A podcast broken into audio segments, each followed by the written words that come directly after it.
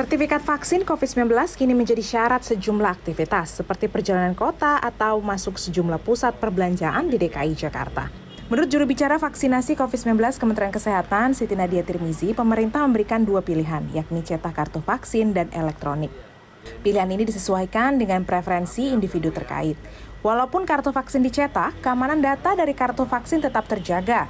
Namun, pemeliharaan kartu vaksin elektronik lebih mudah karena tidak perlu khawatir untuk cetak berulang-ulang jika kartu hilang.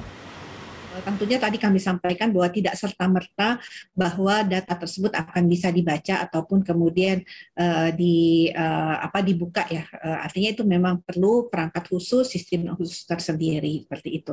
Tapi kemudian kalau masyarakat ada yang ragu, takut terkait keamanannya ya lebih baik tetap dalam elektronik gitu apalagi kalau nanti lupa menyimpan, tidak tahu di mana ya. Nah, jadi itu untuk mengunduh kartu vaksin terbilang mudah. Selain melalui aplikasi Peduli Lindungi, masyarakat yang sudah divaksin bisa langsung mengunduh kartu vaksin melalui link yang dikirimkan lewat pesan singkat dari 1199.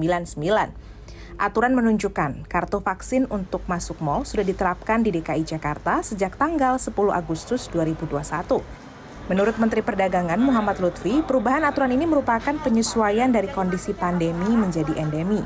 Endemi merupakan kondisi kemunculan suatu penyakit yang biasa dalam suatu populasi. Nah, SOP untuk kesehatan itu adalah dipastikan bahwa semua yang masuk ke mall hanya bisa masuk dengan QR code yang sifatnya adalah digital. Artinya mesti downloading, kemudian di, secara digital diperiksa, mesti mengadakan vaksin dua kali, dan juga adanya antigen dan atau PCR baru boleh masuk. Jadi Lutfi mengatakan meski ada syarat vaksin untuk masuk mal, aturan tetap melarang pengunjung berkumpul dan berlama-lama di dalam mal. Pengelola mal akan dijatuhi sanksi ditutup selama tiga hari jika melanggar aturan tersebut. Tim Liputan CNN Indonesia.